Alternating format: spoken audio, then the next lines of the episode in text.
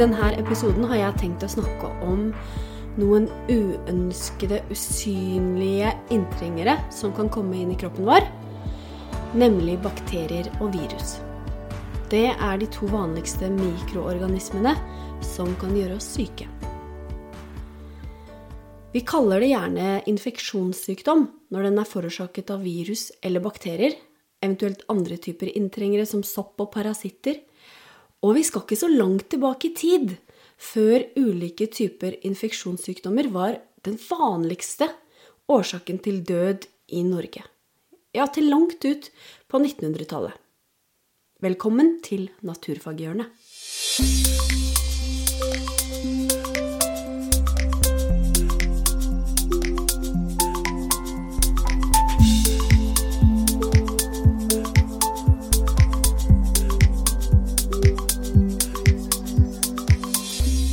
1800-tallet var en tid for store gjennombrudd innen vitenskapen, inkludert forskning på sykdommer og smitte. Hvis vi går langt tilbake nok i tid, så var det vanlig å tro at man blei sjuk som følge av en forbannelse eller straff fra Gud, eller at syke og døde kropper avga en slags farlig gass som gjorde at man kunne bli syk. Først på 1800-tallet ble man klar over at sykdom ble overført via levende, bitte små vesener. Og en ny vitenskapsgrein blei til i det århundret her, nemlig bakteriologien. Men hva er egentlig bakterier? Bakterier er små mikroorganismer som kan formere seg helt på egen hånd. De kan ha ulike former. De kan være runde, avlange eller formet som spiraler. Runde bakterier kaller vi kokker. Avlange kaller vi staver. Spiralformede kaller vi spiriller. Og det finnes også dråpeformede bakterier, som kalles vibrioner. Bakterier er encellede organismer. Det vil si at en bakterie er rett og slett én celle. Til sammenligning så er vi mennesker og de fleste dyr og planter bygd opp av millioner av celler. En bakterie har et skall som vi kaller cellevegg. Inni cellen så er det et flytende stoff som vi kaller for cytoplasma. Og her flyter det arvestoff rundt. Altså bakteriens DNA. Det flyter på en måte helt fritt rundt inni cella. Til motsetning hos oss mennesker som har en kjerne som DNA-et ligger inni, da. Bakterier fins overalt. Både utapå og inni kroppen vår. Hvis du f.eks. tar en neve jord fra bakken, så holder du milliarder av bakterier. Ja, bare på hånda di så er det omtrent 200 000 bakterier. De aller fleste bakterier er helt ufarlige, ja, til og med nødvendige og nyttige. Vi har bakterier i tarmene som bidrar til å produsere vitaminer. Andre bidrar til å beskytte kroppen mot skadelige stoffer. Bakterier brukes også til å bedre matvarers holdbarhet og vi kan utnytte bakterier til å produsere medisiner. Men det er enkelte bakterier som kan framkalle sykdommer.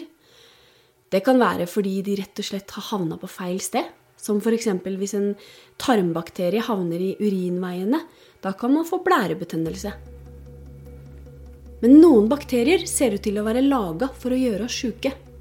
Sånne bakterier kaller vi patogene bakterier. De kan produsere giftstoffer eller de kan bryte ned celler og vev i kroppen vår. Bakteriene har òg et lag med slim som beskytter mot kroppens immunforsvar. og Derfor så klarer de å oppholde seg i kroppen ganske lenge, lenge nok til å formere seg og til å kunne gjøre skade.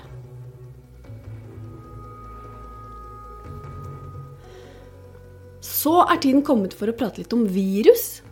Virus er også en mikroorganisme.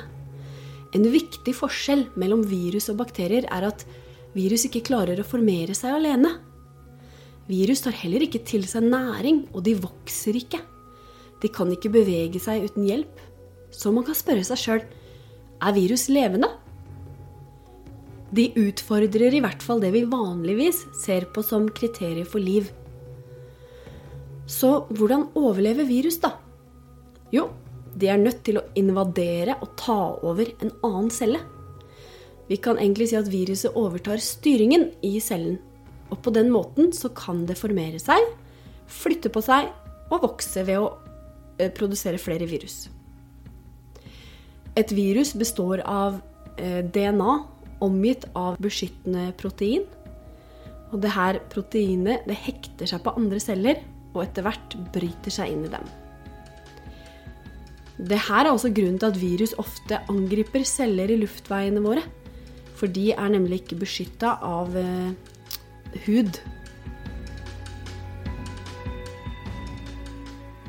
Målet til et virus er å få spredd genene sine. Ved å entre en annen celle kan det også komme i kontakt med annet arvestoff, og til og med ta til seg DNA fra vertscella. Virus er veldig små, mye mindre enn bakterier, og kan kun ses gjennom et elektronmikroskop. Nå har jeg forklart litt hva bakterier og virus er for noe. Felles for dem begge er at de kan spre infeksjoner, og måten det her gjøres på, er ganske likt. De kan spre seg gjennom luftveier, som f.eks. Eh, når noen hoster eller nyser. Det kalles for dråpesmitte. De kan også spre seg ved berøring, som f.eks. ved å hilse eller klemme hverandre. Og noen ganger kan disse mikroorganismene leve på overflater. Det vil si at noen kan på en måte legge det igjen på et dørhåndtak f.eks., som noen andre senere plukker opp ved å berøre samme sted. Det er likevel stor variasjon. Noen virus og bakterier er veldig smittsomme og kan smitte gjennom berøring eller dråper eller luft, som nevnt over.